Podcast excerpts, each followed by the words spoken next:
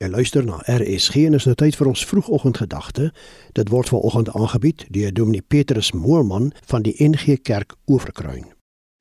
Goeiemôre. Wanneer die Bybelskrywer die verhaal oor die skepping van die mens begin vertel, dan verwys hy meer kere daarna, maar vanuit verskillende gesigsoeke. In die tweede verwysing, Genesis 2 vers 7, voor hy ook nog verwys na die skepping van die vrou, dan voeg hy by sodat die mens 'n lewende wese geword het.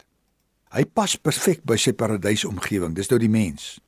Hy is omring van lewe, diere, voëls, visse, plante. Dit word genoem plante wat saad gee en kan vermeerder, wat die lewe nog verder kan voortsit. En as God eers laat reën, dan is die aarde oortrek met struike en groenigheid.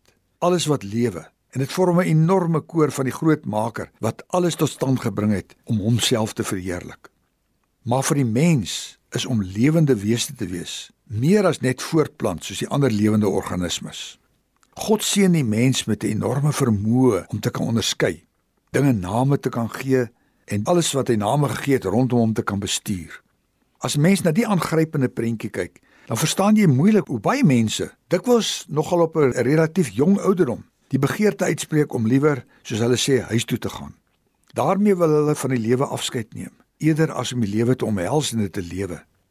Gesien teen die agtergrond van die kort tydjie wat ons het om te lewe, is dit nogal moeilik om te verstaan waarom mense die lewe nog korter wil hê en daarmee wil klaarkry.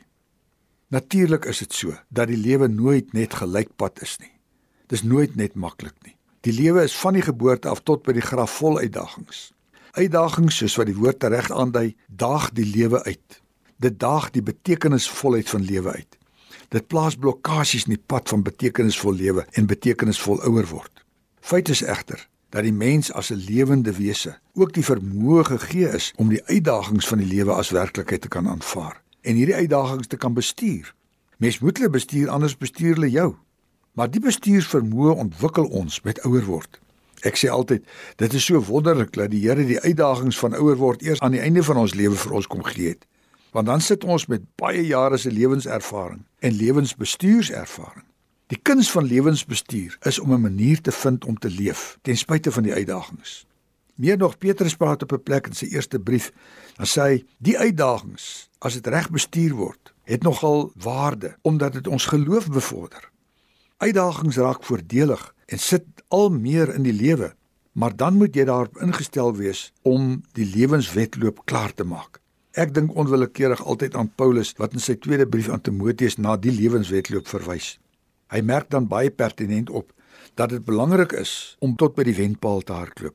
Die hemelse prys sê hy is ander kan die wenpaal, nie voor die wenpaal nie. Ons moet nie die lewe omwens of onbid nie. Ons moet dit omleef.